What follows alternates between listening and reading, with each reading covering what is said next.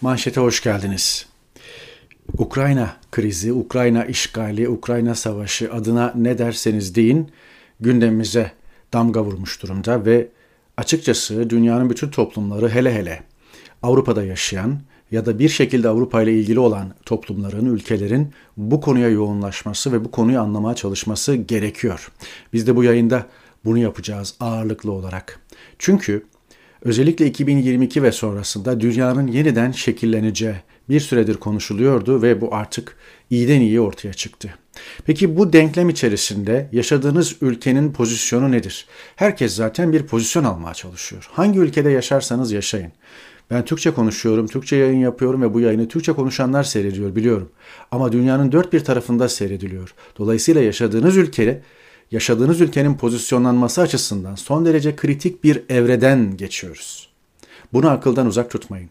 Elbette yayınlar büyük ölçüde Türkiye'den takip ediliyor ve Türkiye'de nasıl pozisyonlanacak, nasıl pozisyonlanmalı ya da Türkiye'nin sözü dinleniyor mu? Türkiye bu konuda bir yaşanan gelişmeler konusunda bir başat aktör mü? Bütün bunları da anlamanızı sağlayacak bu yayın. O yönüyle sonun başlangıcı bileti kesildi derken bunu ezbere söylemiyorum. Kapağa da bunu koyduk. Ama nedir sonun başlangıcı? Bileti kesildi demekle neyi kastediyorsun? Onu anlatalım. Şimdi Ukrayna ve e, Rusya Karadeniz'in kuzeyinde sınırı olan iki ülke.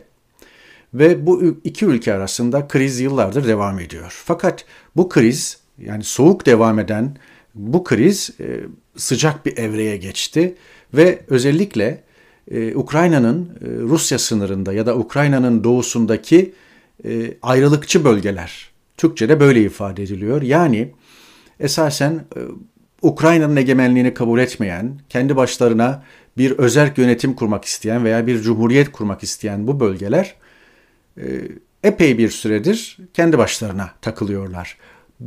Ukrayna'nın Kürdistan'ı yorumları da yapılıyor. %100 doğru değil ama kısmen haklı, kısmen doğru bir durum. Neticede biraz daha renkleri belirginle, belirginleştirelim. Bu bölgeye e, Donbas denen bölgenin bir bölümüne Ruslar girdi. Yani e, Rusların kontrol ettiği bölge e, gri bölge, e, sarı bölge hala Ukraynalılar tarafından kontrol ediliyor, görülüyor. E, Donetsk ve Luhansk e, cumhuriyetlerinin e, daveti üzerine Putin askerini bu bölgeye soktu. Öncelikle de tabii Donetsk ve Luhansk cumhuriyetlerini tanıdı.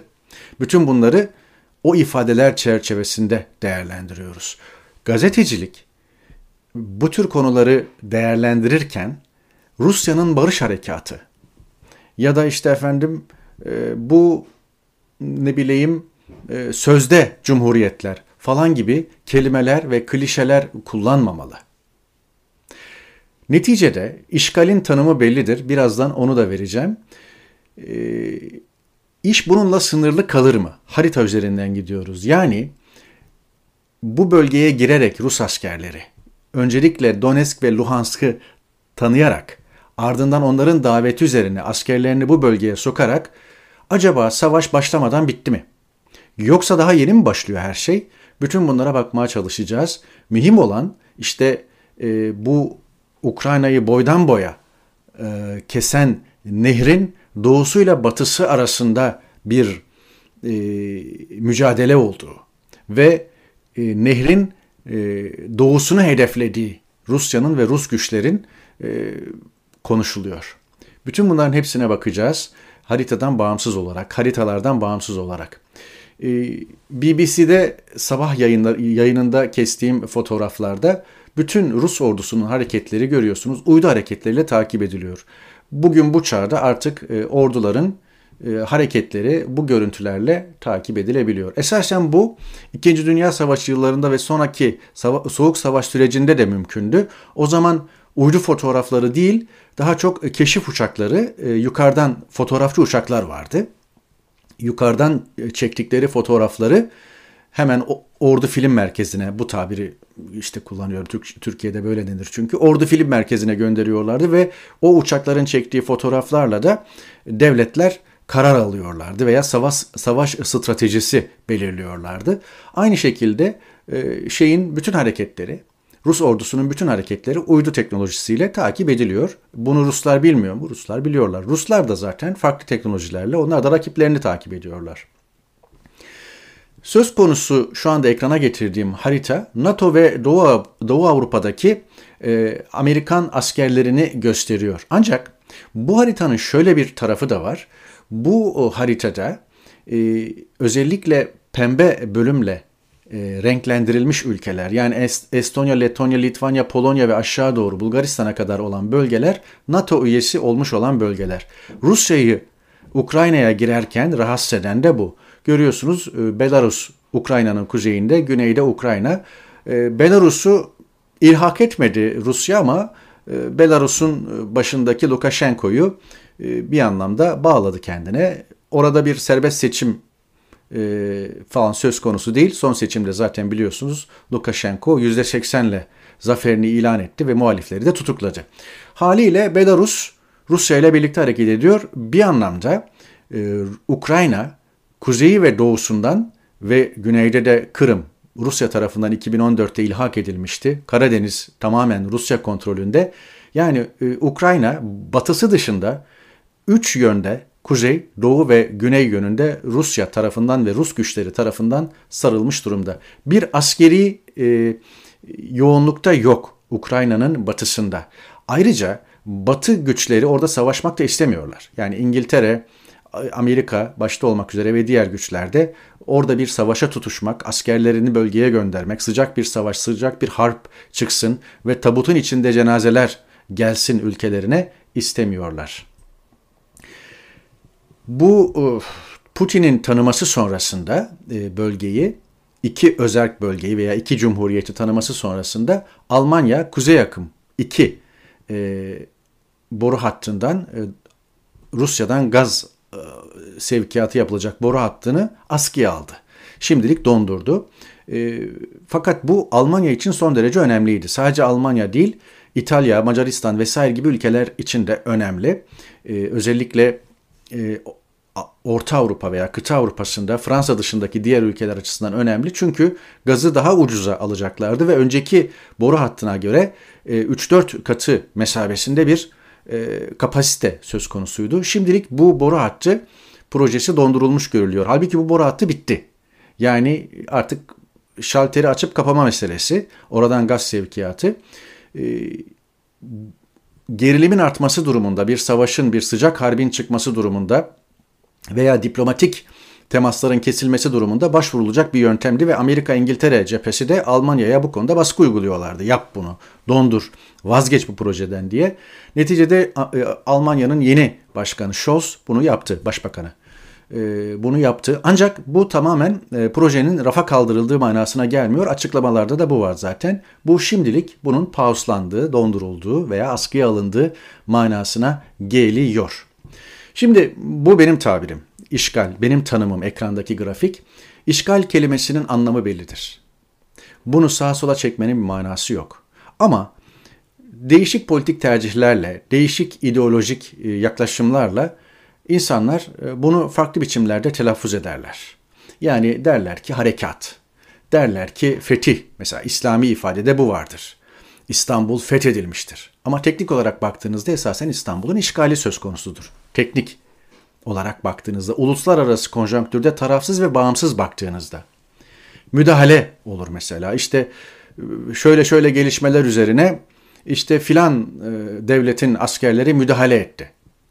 E şimdi sınırların ötesinde yaptığın her şey o ülkede egemen bir güç vardır. Dünyanın bütün toprakları paylaşılmış durumda. Dolayısıyla siz sınırınızın ötesinde herhangi bir davette olmadan bir müdahale yaptığınızda bunun adı işgal oluyor. Davet meselesine birazdan geleceğim. Kurtarma ve barış gibi kelimelerle de süslenir işgal. Şimdi e, Putin e, Donetsk ve Luhansk'ın e, bağımsızlığını tanıyan kararnameyi imzaladı. Bunu kara, şeyin önünde, kameralar önünde yaptı. Fakat Putin'in yaptığı açıklamada büyük sorunlar vardı. Belki de işte 23 yıldır iktidarda olmanın getirdiği bir şey. Bu kadar uzun süre iktidarda kaldığınızda bir süre sonra işler şirazeden çıkabiliyor. Hem kişisel olarak şirazeden çıkabiliyorsunuz, psikolojik olarak şirazeden çıkabiliyorsunuz. Hem de yaptığınız uygulamalar bir ulusun kaderine e, yön verecek uygulamalar şirazeden çıkabiliyor. E, Putin'in basın toplantısı çok e, daha doğrusu o açıklamayı yaptığı toplantı çok talihsizdi. İstihbarat başkanlığına ayar verdi. Ne bileyim bir müsamere gibi bir şeydi. Ve orada bütün Sovyet dönemini, Sovyet Sosyalist Cumhuriyetler Birliği denirdi eskiden. Yani 1917 Ekim devriminden 1990 başlarına kadar hüküm sürmüş olan Sovyet liderleri gömdü. Lenin başta olmak üzere ve bu Sovyetler Birliği döneminde, Komünist Sovyetler Birliği döneminde işte Ukrayna'nın, Polonya'nın, işte diyelim farklı cumhuriyetlerin, esasen Rus egemenliği altındaki cumhuriyetlerin cesaretlendirildiğini, palazlandırıldığını falan, palazlandırıldığını falan e, iddia etti. Ve Çarlık Rusyası dönemine öykünme vardı. E, Putin'in açıklamalarında. Bu da çok çok enteresandı. Hatta bazı yorumcular yeni Rus çarı e, benzetmesi e, yaptılar Putin'le alakalı. Çok da haksız değil. Ukrayna'yı Putin bir Rus toprağı, Rusya'nın bir uzantısı ilan etti. Evet. Aynı durum esasen eğer Putin'in yaklaşımıyla bakacak olursanız Polonya için de geçerli olmalı. Ama Polonya için böyle bir şey söylemiyor, söyleyemiyor. Belki de yar, gücü olsaydı böyle bir şey iddia edebilecekti. Evet. Almanya biraz evvel de söyledim e, tartışmalı doğalgaz projesi Kuzey Akım 2'yi durdurma kararı aldı. Esasen tartışmalı değil. Almanya açısından çok fazla bir tartışma yok. E, açalım. E, çünkü e, o projede Alman mühendisler çalıştı. Alman girişimciler var. Bir anlamda Alman yapımı. Yani eski Alman şansölyesi, Alman Başbakanı Schröder'in de içinde olduğu bir proje bu. Haliyle Almanya açısından çok fazla bir tartışma yok ama uluslararası konjonktür şimdilik askıya alma kararını getirdi. Selin Girit, e, BBC Türkçe Türkiye muhabiri, Putin daha kapsamlı bir işgal düşünüyor olabilir mi? Kiev dahi hedef alınır mı? 45'ten sonraki en büyük savaş gerçekten kapıda mı? Avrupa ve NATO için büyük sınav sorularını sormuş. Evet bu soruların cevabı yok. Bu soruların cevabını bölgeden bildiren muhabirler, gazeteciler ve bu konuyu anlamaya çalışan e, diplomatlar da bilmiyorlar. Cevap veremiyorlar. Ayşe Hür e, Ukrayna için e, Ukrayna e, Donbas bölgesi için e, Ukrayna'nın Kürdistan'ı e, deniyordu ya biraz evvel başta söylemiştim. Ukrayna için aynı şeyi çevirmiş Rusya'nın Kürdistan'ı demiş. Nasıl ki Türkler için Kürtler karda çıkan kart kurt sesi yüzünden Türklüklerini unutanlarsa Ruslar için de Ukraynalılar batının etkisiyle Rusluklarını unutanlar diye e, yorumlamış. E, bir e, yabancı muhabir gazeteci Yaroslav Trofimov işte biraz evvel e, dile getirdiğim ikileme dikkat çekmiş. Putin temelde Ukrayna'nın olmaması gerektiğini söylüyor başlı başına bir devlet olma durumu oluşmadı diyerek. Stalin'in 1939'da Polonya hakkında söylediği sözlerin hemen hemen aynısı diyor. Evet. Polonya da öyle o zaman. Evet, Ceyda Karan bu arada Suriye'deki arkadaşlar sizin televizyonlarda toprak bütünlüğü tartışmaları yapılıyormuş doğru mu diye soran mesajlar atıyorlar diyor.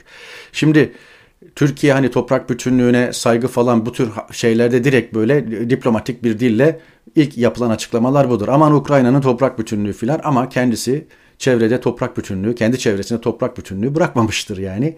İşte Suriye meselesi de öyle. Bugün Suriye'nin kuzeyinde epey ciddi bir bölge e, Türk askerlerinin kontrolünde. Lavrov Ukrayna'nın egemenlik gibi bir hakkı yoktur deyince Gene işte Putin'le paralel olarak Aslaydın Taşbaş yorumlamış bu açıklamayı. Demek ki olay NATO'nun genişlemesiyle ya da Ukrayna'nın doğusuyla ilgili değil. Olay Putin'in Ukrayna'yı Rusya'nın bir parçası görmesiyle ilgili. Evet bu e, Rusya'nın NATO tezlerinin de çöktüğü manasına geliyor. Hani siz NATO genişlemesinden bahsediyordunuz, Ukrayna'yı da işte NATO'ya üye kabul etmeyin falan diyordunuz ama siz Ukrayna'yı e, Rusya'nın bir parçası görüyormuşsunuz. NATO işin mazeretiymiş, bahanesiymiş. Esasen en baştan itibaren Putin belli bir kararlılıkla yürüdü. İşte o kararlılıkta iki gün önce yaptığı açıklamada net bir şekilde görüldü. Ali Dinçer paylaşmış. Kosova'da kafanıza göre bağımsız ülke kurarken dönemin Rusya başkanına mı sordunuz diye soruyor.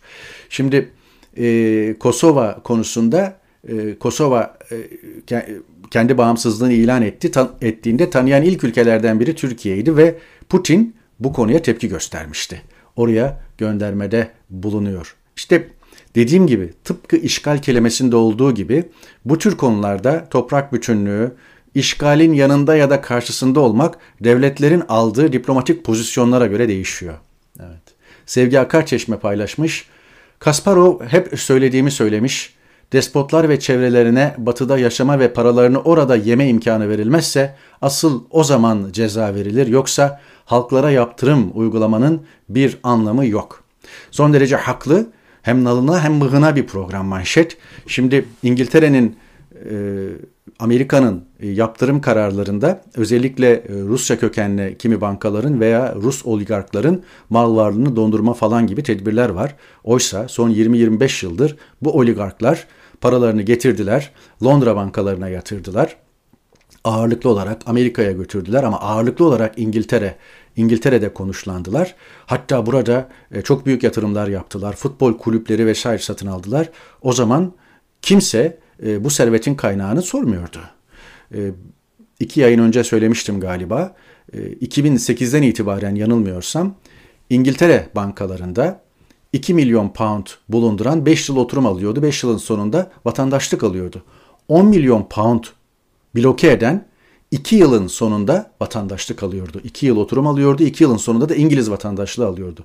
Bu şekilde İngiliz vatandaşlığı alan Rus oligarkların Rus iş adamlarının tırnak içinde söylüyorum Rus para babalarının sayısı 2800'ü geçiyor. Ve bunların e, İngiltere'de yaptığı milyarlarca poundluk yatırımı da nazara veriyorum.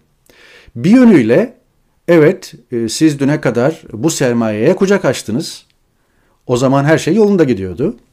Bir yönüyle işin böyle bir tarafı var. Bir de işin tabii doğuya bakan tarafı var. Yani özellikle doğudaki ülkeler, doğudaki liderler e, mal varlıklarını batıya kaçırıyorlar. Batıdaki güvenli finansal adalarda, adacıklarda değerlendiriyorlar. Mesele sadece vurabalıya yapmayalım Londra, İngiltere değil.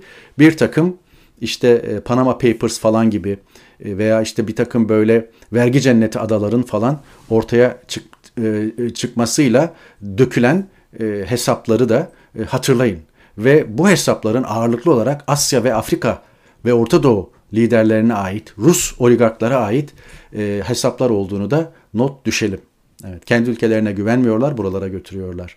Profesör Doktor Eser Karakaş son derece çarpıcı bir yorumla Ukrayna krizinin en yüksek faturası Biden'ın krize etkin yanıtları verememesine bağlı olarak 2024'te Trump'ın Amerikan başkanlık seçimlerini kazanması olabilir diyor. Evet. Pek çok veri Biden'ın ilk yılını çok kötü geçirdiği, işte Afganistan faciası ortada, diğer e, bu Ukrayna krizini e, iyi yönetemediği, e, Amerikan ekonomisinin inişe geçtiği, pandemiyi başta güzel yönetirken sonrasında bu işlerin sarpa sardığı falan gibi pek çok şey var. Trump veya bir cumhuriyetçi bundan sonraki seçimdeki seçime epey var yani 2024 Kasım ayında yapılacak ama şanslı olduğunu gösteriyor. Tabii Trump soruşturmalardan yırtabilirse.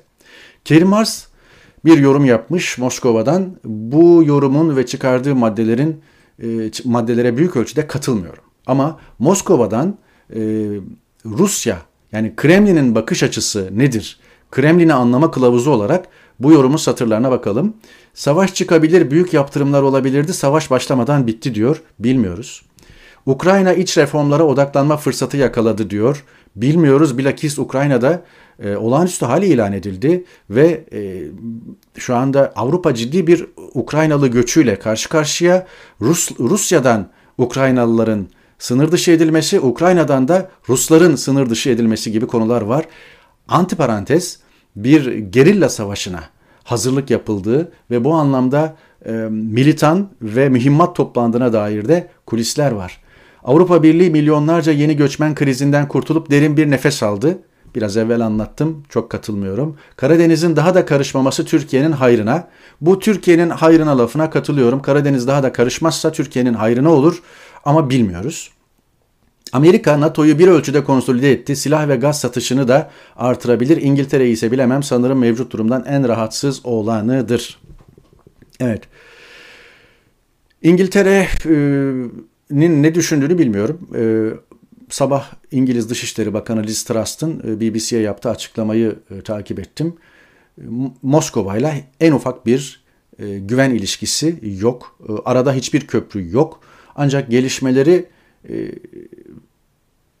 Londra'dan takip ediyorlar. Bu konuda Macron biraz devreye girer gibi olmuştu.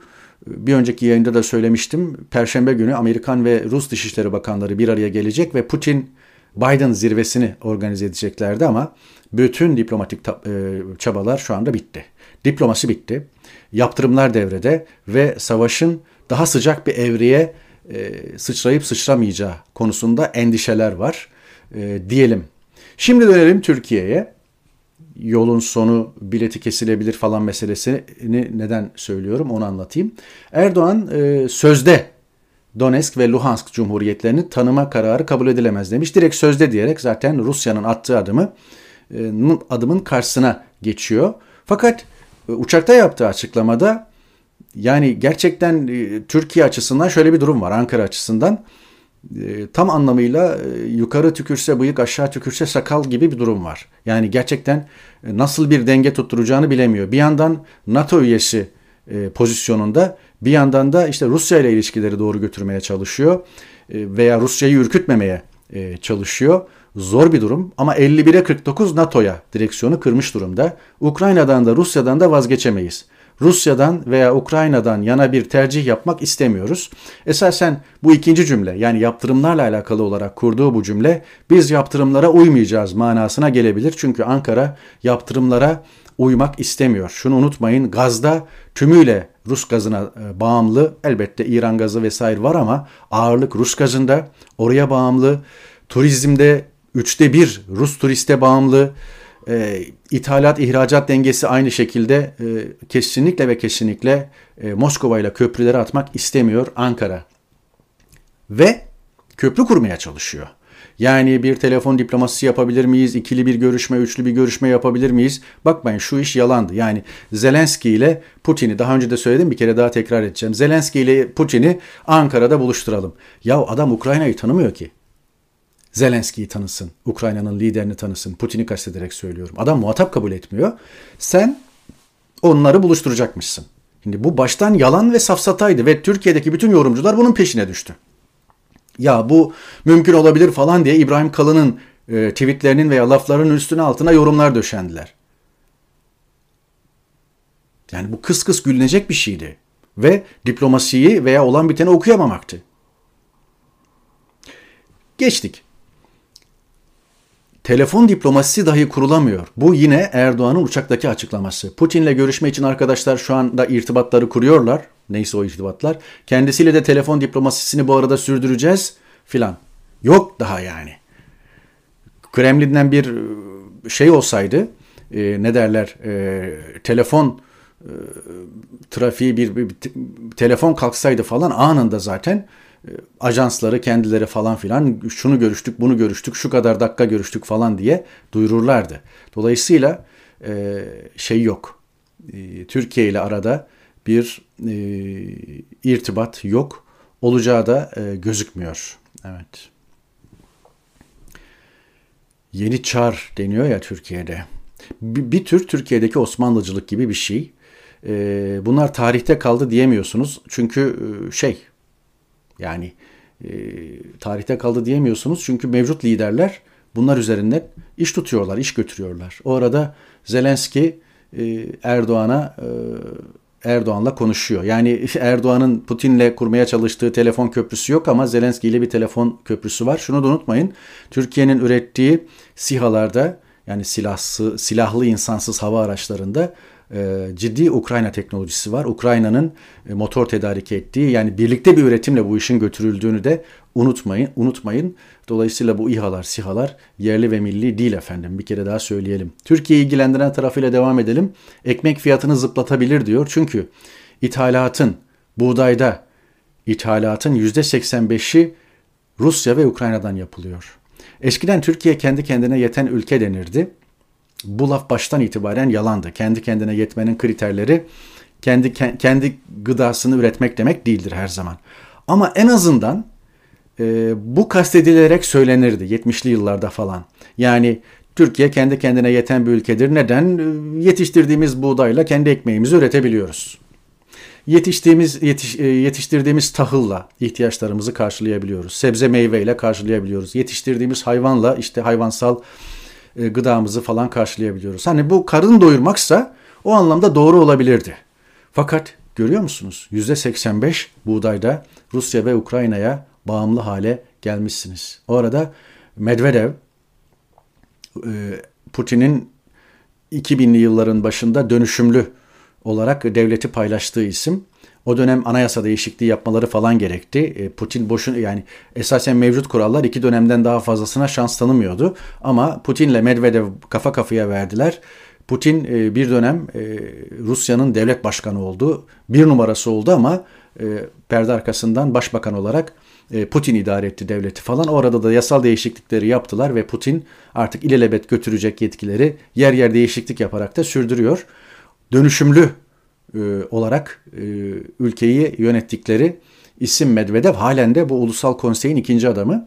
Avrupalıların yakında 1000 metreküp için 2000 euro ödemek zorunda kalacakları cesur yeni dünyaya hoş geldiniz diyerek gaz sopasını göstermiş.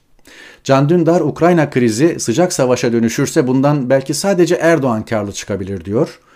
Tersten bakmış çünkü o zaman hem kendi marifeti olan ekonomik yıkıma savaşı bahane olarak gösterme şansına kavuşacak hem de tehdit altındayız şimdi milli mutabakat lazım diyerek muhalefeti susturacak demiş. Evet bu da tersten bir bakış açısı olarak ekrana getirmiş olalım. Ekim Alptekin e, Amerika'da aranan isimlerden biri e, ve işte Türkiye'nin Amerika'daki lobicisiydi yakın zamana kadar. Bütün dava dosyalarında falan ismi var. İngilizce attığı tweette e, bir sırrı açık etmiş. E, enteresan hani daha evvel diyorlardı ya işte Rus uçağını şucular bucular düşürdü biz düşürmedik bu bir işte efendim arkamızdan hançerlendik filan. Diyor ki yani 2015'te diyor Türk F-16 Türk F-16'sı Rus savaş uçağını düşürdü ve bu diyor bir NATO üyesi ülke olarak diyor Rus saldırganlığına karşı diyor bir hamleydi. O zaman diyor Amerika bizi yalnız bıraktı, yanımızda durmadı ve şimdi bedelini ödüyor.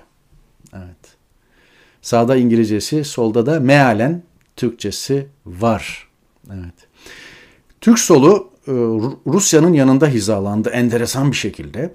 Yani Sovyet Rusya'nın yanında bu kadar hizalanmışlar mıydı bilmiyorum ama terör örgütü NATO'yu Ukrayna'dan elini çekmeye çağırıyoruz dedi İşçi Partisi Genel Başkanı Erkan, Erkan Baş. Türkiye bir NATO üyesi ülkedir. Dolayısıyla e, terör örgütü üyesi midir Türkiye ve bütün NATO'ya karşı ve bütün NATO üyesi ülkelere karşı bir takım verilerle böyle bir tespiti yapmak her yiğidin harcı değil. Bu, bu yiğit tırnak içinde söylüyorum böyle bir e, söylemi kullandığına göre inandığı güvendiği bir şeyler vardır. E, bugün bu konjonktüründe edilecek laflar değildir bunlar. Eğer böyle olduğuna inanıyorsanız NATO dışında gidin başka bir yerde yaşayın, partinizi orada kurun ve siyasi mücadelenizi orada verin. Ha diyeceksiniz ki biz bu mücadeleyi burada veriyoruz ve NATO'dan çıkmak için veriyoruz. O da başka bir hikaye ama dünyaya bu laflarla kendinizi ifade edemezsiniz. Yer yer haklılık barındırsa da tezleriniz. Tuğçe Varol geçen hafta kongrede İşçi Partisi Kongresi. Bu afişi görünce hadi dedim bir şey demeyeyim şimdi. Yahu Rus alfabesine göndermeyle geçen hafta kongre yaptınız. İş mi bu şimdi demiş. Evet Kril alfabesine gönderme varmış. Ee, Erkan Baş konuşurken arkadaki sloganda. Evet. Yektan Türk Yılmaz da e, NATO'nun canı cehenneme. Şüphesiz işlerin buraya gelmesinde büyük payı var ancak şu an NATO emperyalizminin bin beteri Çin Rusya yayılmacılığıyla sahne alıyor diyor. Haksız mı? Yani siz NATO'ya karşı çıkarken Çin'in veya Rusya'nın yanında hizalanırken neye göre hizalanıyorsunuz? Onlar çok mu insan haklarına saygılı, hümanist, efendim adil, düzgün e, yönetiyorlar ülkelerini ve ülkelerinde hiç zulüm yaşanmıyor. Hiç insan hakkı ihlali yok. Evet. Suat Kınıklıoğlu bizdeki solcuların Rusya romantizmi gerçekten antika Rusya'yı kendini dünya halkları için feda eden sosyalist eşitlikler ve halklar diyarı bir yer zannediyorlar demiş. Evet ezber bu tabii. Bitirirken 15 Temmuz 2016'da 14 ila 18 yaşlarında olan 60'ın üzerinde Kuleli Askeri Lisesi öğrencisi hakkında anayasal düzeni ortadan kaldırmaya teşebbüsten dava açılması haberini bir kere daha gündeme getireyim. O gün yaşı tutmayan çocuklar yaşı tuttukça içeri alınıyorlar ve müebbet hapis cezalarıyla karşı karşıyalar. Yine bitirmeden e, bu çocuğun adı Oğuz Arda Sel demiş annesi Mısra Öz. Bugün tam 1326 gün oldu Çorlu tren katliamında öldürüldü. Bu tür olayları aydınlatmadan da aydınlanmaya geçtiğinizi, aydınlanma sürecinin başladığını e, düşünmeyin lütfen. E, bir son not, sondan belki bir iki önce not, e, Sedat Peker hakkında e, Birleşik Arap Emirlikleri'nden iade talebinde bulunulmuş, tutuklansın ve Türkiye'ye iade edilsin. Bu fotoğraflar da dün Sedat Peker'in eşi Özge Peker tarafından Instagram hesabında paylaşılmış efendim. Evet. Yıkılmadım, ayaktayım e, fotoğrafları. E, Boris Johnson e, tüm Covid uygulamalarını kaldırdı İngiltere'de ve e, İngiltere'de artık bir Covid ile yaşam sürecine geçildi. Herhangi bir kısıtlama yok ve artık aşılar da e, ücreti mukabilinde filan yapılacak. Yani diyor ki bununla beraber yaşayacaksınız tıpkı bir grip gibi, nezle gibi, başka rahatsızlıklar gibi. E, darısı diğer ülkelerin başına ancak İngiltere'de pozitif vaka sayısı hala yükseklerde, ölüm e, rakamları ise e, aşağı doğru e, gevşemiş durumda. Zannediyorum bu yazdan itibaren de kısıtlama namına çok fazla bir şey kalmayacak. Evet. Şahsi olarak gücünüz yoksa bir ittifaka yanaşacaksınız. Ee, özelde de genelde de böyle. Ama şahsi olarak güçlüyseniz bütün ittifaklara meydan okuyabilirsiniz. Ee, eğer gerçekten e, Rusya'ya yaptırımlar e, konusunda ciddiyseniz e, Kremlin'le ilişkili insanların servetlerini takip edersiniz. Öyle e, birkaç e, kişi hakkında veya birkaç banka hakkında e, yap, alınan yaptırım kararlarının çok fazla bir manası yoktur. Ee, başta da söyledim Türkiye için e, Ukrayna meselesi tam anlamıyla aşağı tükürsem sakal yukarı tükürsem bıyık durumu. Bakalım e, nasıl olacak? Bir Allah'ın kulu e, Türkiye'ye uğramadığı, Ankara'ya uğramadığı gibi bir Allah'ın kulu da aramıyor, fikir sormuyor. Olay sadece 4-5-6 ülke arasında dönüyor. O ülkelerde belli, baştan beri söyledik. Ukrayna bile kendini birinci derecede ilgilendiren bu süreçte yüksek profilli bir e, politika ortaya koyabilmiş değil. E, dolayısıyla e, bütün bu gelişmelerin e, gerek ekonomik gerek siyasi anlamda yeni dünya biçimlenirken e, çok da hayra alamet gelişmeler olmadığını bir kere daha hatırlatmak gerekiyor. Haliyle mevcut Türkiye yönetimi e, bağlamında bir sonun başlangıcı söz konusu, bir biletinin kesilmesi hikayesi söz konusu. Bu şekillenmede 2022 ve sonrası şekillenmede e, başkentler ve başkentleri yöneten liderlerle nasıl geçinileceği veya veya nasıl bir ilişki kurulacağı meseleleri önemli meseleler.